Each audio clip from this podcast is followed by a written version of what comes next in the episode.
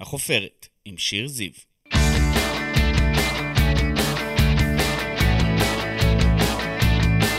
איזה כיף שאתם פה. אני שיר זיו, אשת תקשורת ומרצה, ואתם איתנו בחופרת, הפודקאסט שלי, שבו נשוחח ונחפור עם אנשים מפורסמים מתחומי התרבות, התיאטרון, המוזיקה, הספורט ומהרשתות החברתיות.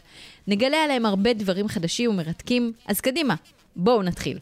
הסופרת גלית דן קרליבך נולדה בשדרות וגדלה באשדוד ובירושלים. היא חיברה שמונה ספרים, ביניהם רומנים למבוגרים וספרים לנוער. היא גם אם לשניים וגם כלת פרס אקו"ם, זוכה בפרס היצירה לסופרים עבריים, מלגת פרדס ומלגת פולברייט, והיום היא כאן איתנו לרגל יציאת ספרה החדש, מזל יתומה, בהוצאת אחוזת בית, לשיחה על כתיבה, יצירה, אהבה, אימהות, זרות ושייכות וכל מה שביניהן. תודה רבה שבאת לחופרת, גלית.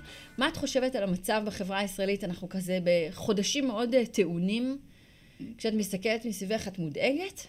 קודם כל, אני גם הגעתי ברכבת והכל היה חסום, הגעתי ברגל כאן לאולפן.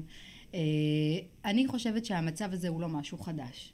זה מצב, אה, ודאי שמצב מדאיג, מדאיג אבל קדמו לכך שנים רבות של שסעים, של שנאה, של קיטוב, של הסתה נגד מגזרים שונים.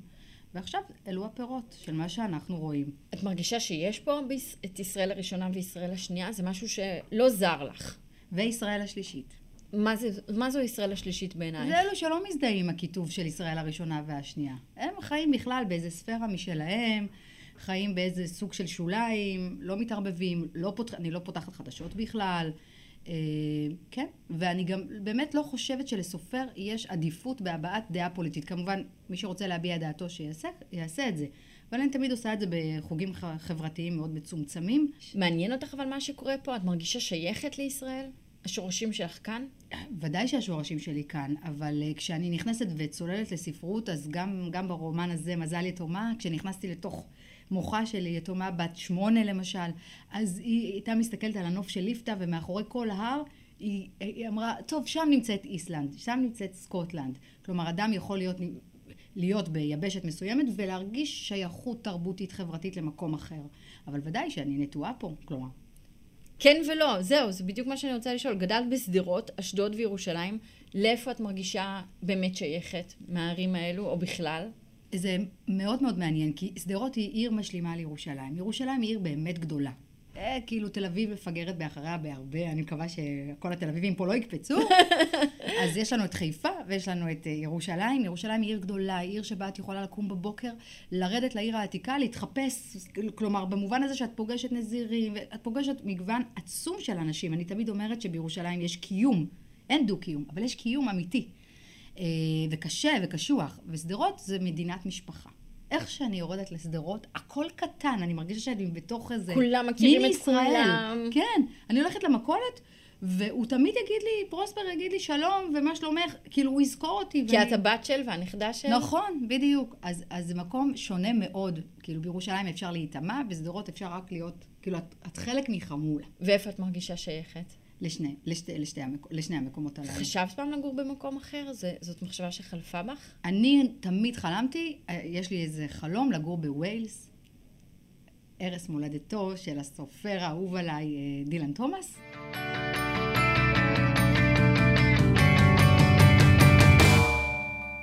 את סוחבת איתך טראומות מהמקומות שבהם גדלת, באמת דיברנו על הספר, אה, ויש שם עבור הגיבורה, אביטל אוחיון, תמונות אה, ילדות אה, מאוד מאוד קשות. אני לא אשאל כמה מזה אוטוביוגרפי, כי אנחנו, אני יודעת שלא. אני דווקא אשמח לענות לך. אז קדימה. כן? אז קודם כל, אני חושבת שתפקידו של הסופר הוא באמת לבחון שאלה ולה, ולהשתמש בדבר הכי בסיסי שיש, שזה כוח הדמיון וההמצאה. אז אני לא משתמש, קודם כל, סבתא שלי נפטרה לפני חצי שנה, הספר מוקדש לה, היא סבתא הפוכה לחלוטין מהסבתא הקשה, אבל אני לא זקוקה לאוטוביוגרפיה, לכתוב על עצמי, כי הרי גם, זה ספר שמיני. אז נגיד שהייתי כותבת בספר הראשון את כל מה שכתבתי על עצמי. מה היה נשאר. בדיוק, מה כן. היה נשאר. אז אני משחקת בחומרים באותה הדרך שבה צלם משחק. אה, או צייר, כלומר יש לו את החומרים שלו, את יכולה לבוא, לצלם את מגדל דוד למשל, אבל, אבל מישהו שהוא נגיד אומנותי באמת וצלם, הוא יכול פתאום לשים לב שיש איזה שם, איזה קטע מסוים, ואותו הוא יבליט. אז אנחנו לא... פרספקטיבה. זקוק... כן, ואנחנו לא זקוקים, אני לא זקוקה לאוטוביוגרפיה כדי לכתוב. מצד שני, כן, הספר הזה, מזל יתומה, הוא כן התחיל, נבע מאיזושהי תמונה שאת זוכרת מילדותך משדרות. אה, אני מדברת על הרעיון בגלריה ש, ש, שכתבתי, הוא לא התחיל משם, אבל אני זוכרת את התמונה הזאת. אה, ויש לי הרבה תמונות, בדיוק, בדיוק מה שדיברנו, כלומר יש לי הרבה תמונות של, שאני צריכה לשלב אותן בספרים, פתאום כשמשהו נשאר כל כך הרבה שנים הוא בסוף נכנס לספר. את יכולה לתאר את התמונה הזאת? זו, זו, זו תמונה באמת שהיא לא מאוד חזקה בצבעים שלה, אבל זה היה חדר אפוף עשן, אה, ילדונת, אה, באמת ילדה, רוקדת בריקודי בטן, ב, אני זוכרת את המשולשים האלו של החלק העליון, אה, ופשוט אוכבים לה כסף. ילדה בת כמה, את יודעת? אה, בין שמונה לעשר. ואת היית? מש... באותם גילאים. פחות או יותר, כן. וזה נחרט אצלך. זה נחרט, כי היה את, הייתה את אווירת הזימה בחדר, והיה תחושת חוסר אונים. ותחושת חוסר האונים ויתמות זה דבר שאני מאוד מאוד מתעניינת בו, כי זה הדבר הכי בסיסי שיש. עכשיו, אנחנו יודעים שהוא לא הכי בסיסי שיש, כי גילוי עריות במשפחה יש הכי הרבה, מבחינה סטטיסטית. אה, פגיעות מיניות בתוך המשפחה. כן, כן. למשל. אה, ואם מדברים בכלל על התנ"ך, כלומר, אין לנו מודל של משפחות באמת, וואו, מופתיות. מאושרות, אין, אין ממש. כל המשפחות הן מאושרות, אה, לא יודעת אם הן דומות זו לזו. ואת באמת כותבת לא מעט בספרים שלך על סבל ועיבוד שפיות וניצול. אלו החומרים שמעסיקים אותך, הדלתות האחוריות של החברה? לא תמיד, כלומר זה לא תמיד חייב להיות הדלתות האחוריות כמו במזל יתומה, שזה באמת הלכלוך והטינופת. לפעמים זה פשוט במחלפים השוליים של החברה, ואז יש שם גרוטסקות, יש שם אנשים מוזרים, ואנשים שרואים אותם וכולי. אבל כאן ברומן הזה באמת אה, יש רוח פסימית. כלומר, באמת הסבל והעוני, אה, כל זה באמת אה, נמצא שם. בדלתות האחוריות במובן הרע של המילה. כי זה מעניין אותך לעסוק בחומרים האלו? האפל, האפלה הזאת מושכת אותך? זה פשוט כל רומן הוא משהו אחר, וזה מה שקרה כנראה גם בגלל התקופה האישית שעברתי, אבל שוב, אני מפרידה מאוד בין אוטוביוגרפיה. אבל מה שאני הרגשתי בתוך החברה הישראלית הייתה זרות. אה, מוחלטת ותחושה של ניכור בשנים האלו. אז יכול להיות שזה באמת טפטף ונתן את התחושה הזאת שיש. בואי נחזור ליסודות הכתיבה, גלית. איפה פיזית את כותבת? פיזית אני כותבת מאז שהתגרשתי בכל מקום. אני כותבת במטבח, אני כותבת בסלון, אני כותבת על השטיח, יש לי פינת כתיבה. אה, ועכשיו גם החבר שלי בנה לי פינת כתיבה בבית שלו. ראיתי, איזה כיף. וזה בנס, וזה ממש כאילו פתוח, נוף, חלון לנוף, אז זה כיף. אה, אז אני כותבת בכל מקום, ואני תמיד אומרת, אה, מה שהעורכת שלי, שרי גוטמן, אמרה כשהיא נסעה, אני עדיין לא הייתי שם, היא נסעה לבית של ג'ן אוסטין, והשולחן שלה היה מין עיגול קטן ושם גם היו את חומרי הריק, הרקמה שלה, ו... אבל איזה יצירות מופלאות היא כתבה. אז את אומרת בעצם לא משנה הפסיליטיז, חשוב פשוט היצירה, לכתוב. כן, לא, צריך קביעות, אני לא יכולה לכתוב באמת בכל... אני לא, אני לא כותבת בבתי קפה. אלא אם כן זה עריכה אחרונה ובא לי ראש שקט. אבל יצירה צריכה לנבוע. את כותבת גם בנוטס? כאילו, את יכולה לצאת מאמבטיה ופתאום אה, להתחיל אה, לתקתק? אני משתדלת שלא. אני, יש לי את העיקרון של הברירה הטבעית, מה שנשאר לי בראש הוא חזק. אם אני לא זוכרת, אז הוא לא צריך להיות בסיפור. אז הוא לא, אז הוא לא, נכון. הוא לא צריך להיות שם? כן. ואת מקפידה באמת על סדר יום של כתיבה? זאת אומרת, את כותבת כל יום? אה, כשמשהו חדש מתחיל, אני, אפילו אם אני אבהה במסך, זה ממש מוקדש. לזמן הזה שבו, שבו היצירה אה, מתהפכת במוח. אז כן, אני ממש משתדלת. עכשיו אני בתקופה של בין ספרים, אז אני יכולה קצת להרשות לעצמי. עכשיו בחופש. אני מושחתת כרגע, נסעתי לתל אביב, הלכתי לפגוש את חברתי. אני עושה מה שאני רוצה. הכתיבה, היית אומרת שהיא באה לך בקלות, או שאת יודעת, יש את הדימוי של הסופרת המיוסרת, ובאמת לחלץ משפט, זה נכון. קשה מאוד. זה לא ככה, כלומר, אני לא חושבת שסופרים חייבים להיות עם הפוזה של המיוסר, אבל מדובר כאן... בעליית הגג. נכון, אבל מד... הלוואי והיו לנו עליות גג. אם הייתה לנו עליית גג, היה לנו גם שלג, אמיתי, של חצי שנה. היית רוצה את זה. בדיוק. לא, אבל סופר, אה, העניין הזה של, של אה, אנחנו בוראים משהו, לברוא מאין זה כרוך בהמון חרדה. כי אנחנו בונים עולם מהיסוד, ואם הכיסא כמטאפורה לא יהיה בדיוק במקום הנכון, גם הדמות לא תדע לשבת עליו כמו שצריך. יפה. אז אנחנו, אז, אז זה לא שזה, את יודעת, כאילו אנחנו עכשיו המיוסרים וזה וזה, וזה לא שזה הולך בקלות, אבל כן, יש חרדה מאוד גדולה. וגם יש תחושה כל הזמן שאני עדיין לא יודעת לאן זה הולך. כשזה רומן, אני כל הזמן לא רואה עד הסוף. אז אני כבר לשאלה הבאה, הדמויות לא מדברות אלייך? כמו שהרבה סופרים אומרים, וגם אמרו לי, אפילו פה, שהם יודעים מה יקרה, כי הדמויות מדברות אליהן. את לא חווה את הדבר הזה? אני בדרך כלל רואה שפת גוף, ותמיד מתחילה עם דמות כשמשהו קורה. אז מה זה מדברות עליי? אני חיה איתם 24-7, אני שומעת אותם ואני וכולי, אבל, אבל עדיין אני צריכה לדעת לאן הן מתקדמות, אני רוצה לגלות את זה איתן. אני לא מחליטה על סוף מראש. את לא יודעת את הסוף. אף פעם אני לא יודעת מה הסוף. מי הדמות היית אומרת שהיא אהובה עלייך? מה הדמויות שאת בראת? מכל הספרים? מכל הספרים. וואו. אה, האמת שאביטל אוחיון ממזל יתומה. החדשה. כן, ואני. יכולה גם להגיד לך למה. כן. כי את יודעת, אני מלמדת כתיבה, ותמיד אה, הסטודנטים אומרים, הגיבור שלי. עכשיו, אני אומרת להם, מה הגיבור שלי? תלוי מה הוא עשה. אם הוא ירד לסופר פארם וקנה ג'ילט, זה לא, אין בזה שום גבורה. אבל אני התייחסתי למושג גיבורה כמו במאה ה-19, שבה יש אדם מוכה גורל, והוא באמת גיבור. אז היא לא סתם גיבורה, היא דמות מאוד מאוד אה, קיצונית, אפלה, נכון. שעוברת דברים אולי הכי קשים שיש. אה, נכון. ואת אומרת, אותה אני אוהבת למרות הדברים הלא טובים גם שהיא עושה, המעשים שלה הם פליליים, מעשים שלה הם קשים. היא כי היא הצליחה לקדם את עצמה ולהיות אדם בעולם שהוא קשה. ג'ונגל. וקיום, כן, ממש ככה, בג'ונגל. אז בשבילי יש, הדמות שלה היא מאוד לא מתלוננת ובוכה ומוכת סבל. לא עשיתי אותה זינזנה, כן. אבל מצד שני, היא גם מודעת למצבה וגם היא אומרת, אוקיי, אבל הצורת קיום שלי היא לא צורת הקיום היחידה. הנה, הנה ספרי היתומים של הילדות שלי, הנה הספרייה. עצם העובדה שהיא יתומה שקוראת, והיא באמת חיה, נגיד את זה נכון. כמעט אה, בזבל, ובכל זאת מצליחה לרכוש השכלה דרך נכון. ספרים, היא כבר הופכת אותה לדמות מעניינת, יוצאת דופן. נכון. היית אומרת שבסוף כולם כותבים על עצמם? לא. תסבירי. אנחנו נמצאים בתקופה מאוד נרקיסיסטית, והרבה סדנאות משווקות גם לדבר על עצמנו וכולי. אז זה, זה, זו מודה. אבל אני לא יכולה להעיד שכולם כותבים על עצמם, כי, כי אני לא כותבת... השאלה מה זה לכתוב על עצמי, זה לא מעניין אותי, הרי זה, זה משעמם. אני רוצה לצאת להרפתקה חדשה, ולקחת מישהו חדש, ולדעת איך הוא היה מגיב, לא איך אני. אז יש סופרים שעושים את זה, ובאמת כל הספרים שלהם נראים ככה, זה כמו לנגן על מיתר אחד.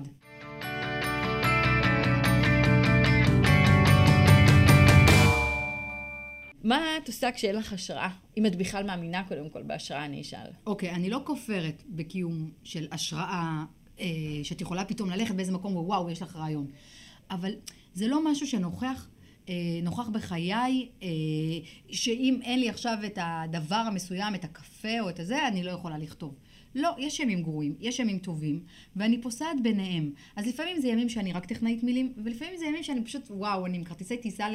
לא יודעת לאן. איזה כיף. כן. את מאמינה בדבר הזה שנקרא למלא את הבאר? זאת אומרת שכל אדם שהוא יוצר, שהוא כותב, צריך לפעמים לעשות הפוגה דווקא מהכתיבה? בטח, זו. שאלה מדהימה, כי אייריס מרדוק, אהובתי, הסופרת הבריטית, אה, היא הייתה, אה, החליטה שבאיזשהו שלב היא עושה הפסקה של שלוש שנים וקוראת את כל שייקספיר ואז חוזרת לכתוב. וואו. אז קודם כל, כל סופר הוא, כל סופר מדהים. הוא קורא.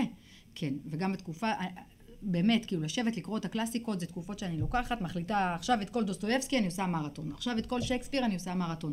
ואת חוזרת אחר כך עם תובנות ודברים שונים לחלוטין. תאונה, באמת, מאוד, ב- כן. נכון? כבוא לא קח פולטו.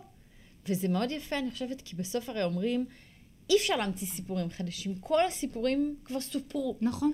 זה נכון? כן? בוודאי. כי, כי מה, סיפור מסע, סיפור אהבה, הכל סופר. רומן ולכן- חניכה, הכל כבר נכון, היה לנו. נכון. השאלה היא איך. איך בדיוק, הכל עומד על איך. איך את תרענני את מבט ה... את נקודת המבט מחדש. מקסים. את מי את אוהבת לקרוא? אה, אני אוהבת מאוד את הסופרים הגדולים של המאה ה-19. אני אוהבת את דיקנס, אה, את, את טולסטוי, את דוסטויבסקי, את פלנרי אוקונור, אני משוגעת עליה, היא במאה ה-20 דווקא. בוריס ויאן, צרפתי. אני אוהבת הכל, יש לי טעם באמת מגוון. ג'ון אירווינג הוא נפלא. ובכל תקופה אני חוזרת אה, באופן אחר. את קוראת הרבה, גם היום. בוודאי. אה, כן, עכשיו אני מאוהבת. אז יש לך פחות זמן לקרוא. אז כמות הספרים שלי מה? ירדה לשלושה בשבוע. וואו, לא נורא, לא נורא. זה אסון. אז זהו, שזה עדיין הרבה מאוד עבור רוב האנשים, אני מניחה שגם עבור רוב המאזינים שלנו זה נשמע להם באמת אה, מספר מאוד מאוד גדול. מה, מה את חושבת על תרבות הקריאה בארץ? מה קורה לנו, אני לא יודעת הישראלים? סטטיסטית, כל הזמן מאיימים ומאיימים ומאיימים. אני דווקא לא כל כך פסימי, אני אדם פסימי, אבל לא בזה. אני חושבת שתמיד יש צורך בסיפורים וסיפורים טובים. אז אנשים קוראים את זה בטאבלט, אז אנשים קוראים את זה בלא יודעת מה. בסדר. אה, זה כן נכון שאנשים רוצים לכתוב בלי לקרוא את זה, אני רואה את זה הרבה, אני ואת נתקלת יוצאת בזה. נגד זה. כן, אני, אני, מה זה יוצאת נגד זה? אני מאוד לא דמוקרטית. אני אומרת להם, תקראו. ואני ממש מכריחה אנשים, והחלום שלי זה באמת לנעול אנשים, נגיד, באיזה חדר, להשאיר להם רק ספרים ואז לברוח. ואז מה יקרה הם יהיו לדעתך? חייבים לקרוא. בלי טלפונים. כלום, שום דבר, מנתקים אותם. את רואה את הדור הצעיר, כתבת גם ספרי נוער, נכון. הדור הצעיר הוא דור שקורא, או עוד יקרא, או יש למשהו לחכות ולקוות, או ש...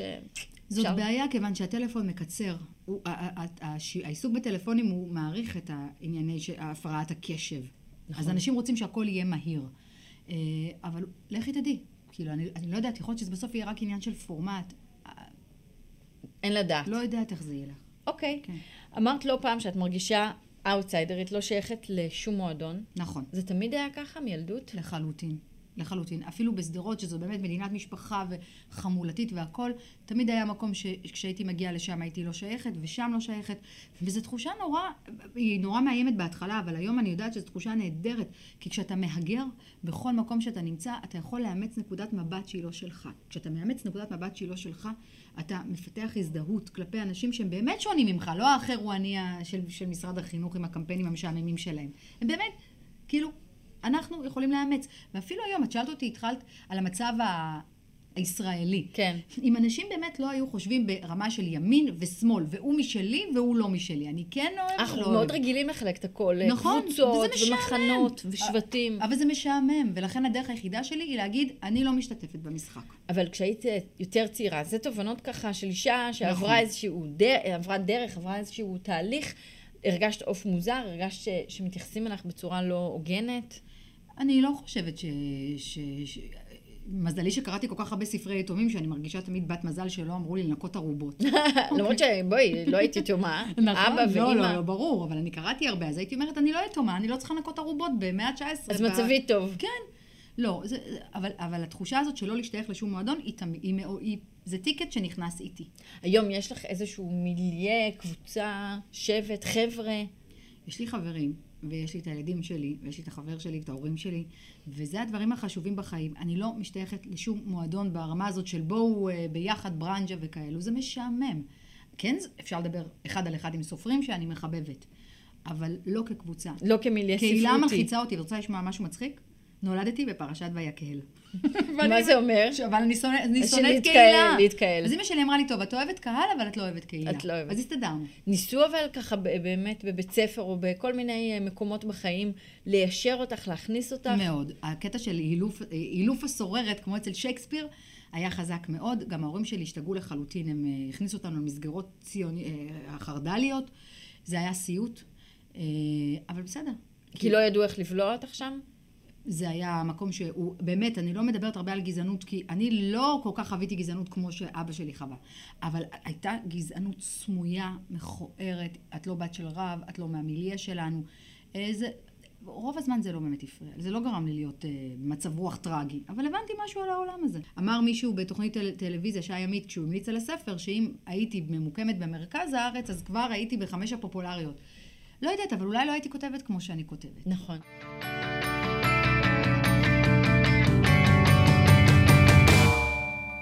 בואי אני אגיד לך כמה דברים שנכתבו על אודותייך. בין הקולות הצעירים בולט קולה של דן קרליבך במקוריות שלו, בחופש, דמיון ובתעוזה. עלילות ספריה רחוקות מבנאליות והן נעות במחוזות שאינם מרבים להופיע בספרות העברית. ניתן לומר שדן קרליבך כותבת ספרות שאיננה בורגנית. מה, מה זה עושה לך טקסט כזה? זה נהדר, כי נותנים מקום, לוקחים זרקור ומאירים את מקומות השוליים של החברה. דרך אגב, אה, זה, אני זוכרת זכרו לברכה, אמיר גוטפרוינד כתב לי, ממש כמה חודשים לפני מותו, הוא היה בוועדה הזאת, ואחרי שקיבלתי את הפרס, אז כתבתי לו, אה, תודה, והוא כתב, תמשיכי לכתוב על המקומות האלו, שלא לא שמים עליהם את זרקור. הזרקור. זה מה שבאמת ייחודי בך ובכתיבה שלך, זאת אומרת שאת כותבת דברים שאחרים, אחרות, אולי לא רוצים לגעת בהם.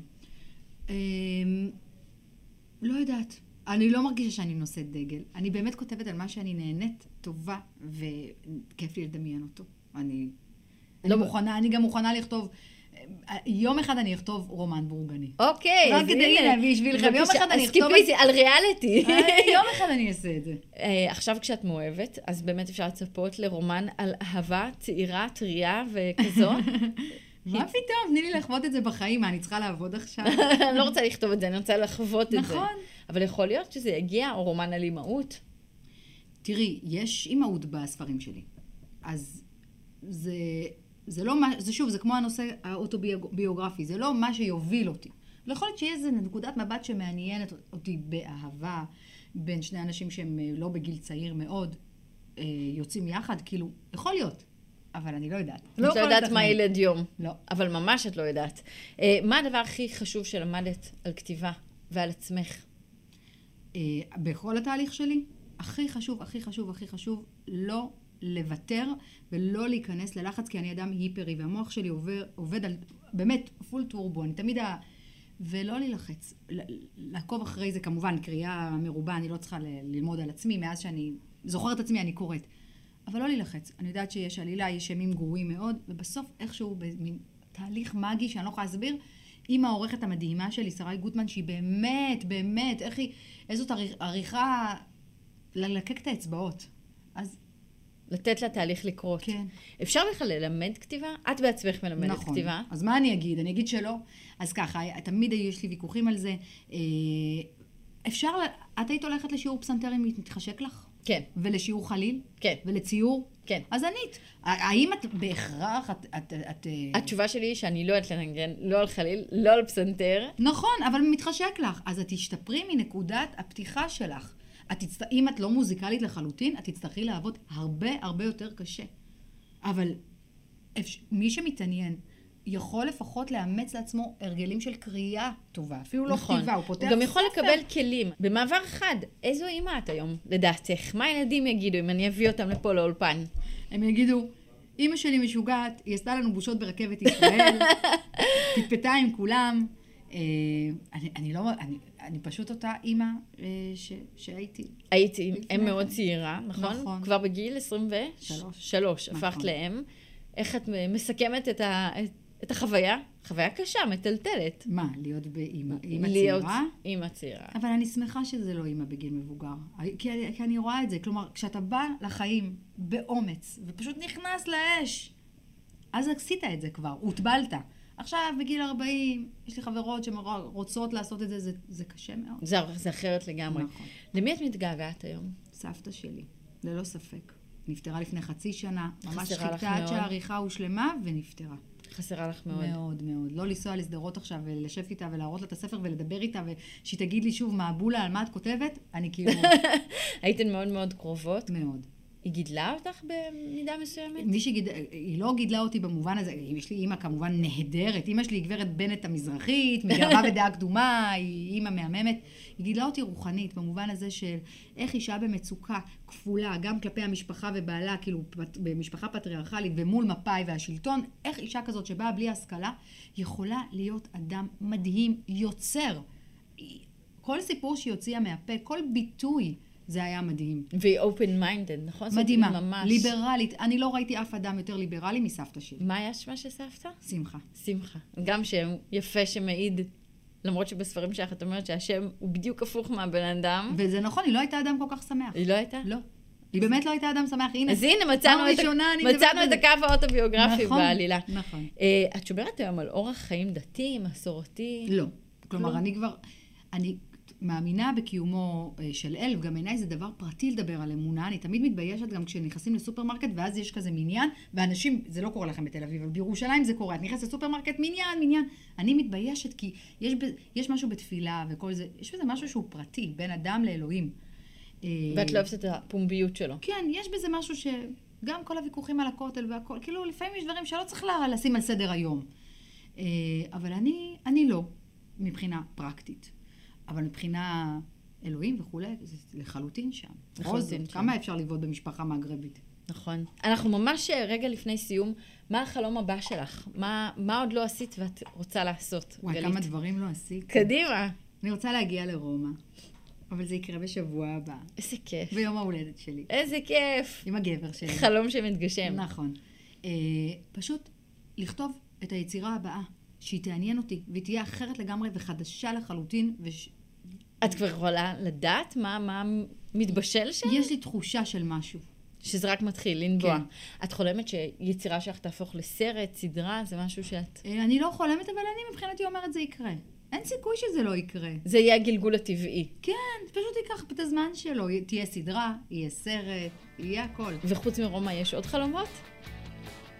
לא כל כך. אז, אז רומא. והנה, זה כבר עומד להתגשם. נכון. תודה רבה שבאת אלינו. שיר, איזה שיחה כיפית. תודה רבה, גלית אה, דן קרליבך. תודה רבה לכם על ההאזנה, וגם לדניאל שפע, מנהל האולפן, למפיקה נטע פלודרמן, לאסף קשייר העורך, לאורחות הוידאו ענבר, סיון, לירון, עדן ונטע. אני שיר זיו, נתראה עם חפירה חדשה בשבוע הבא.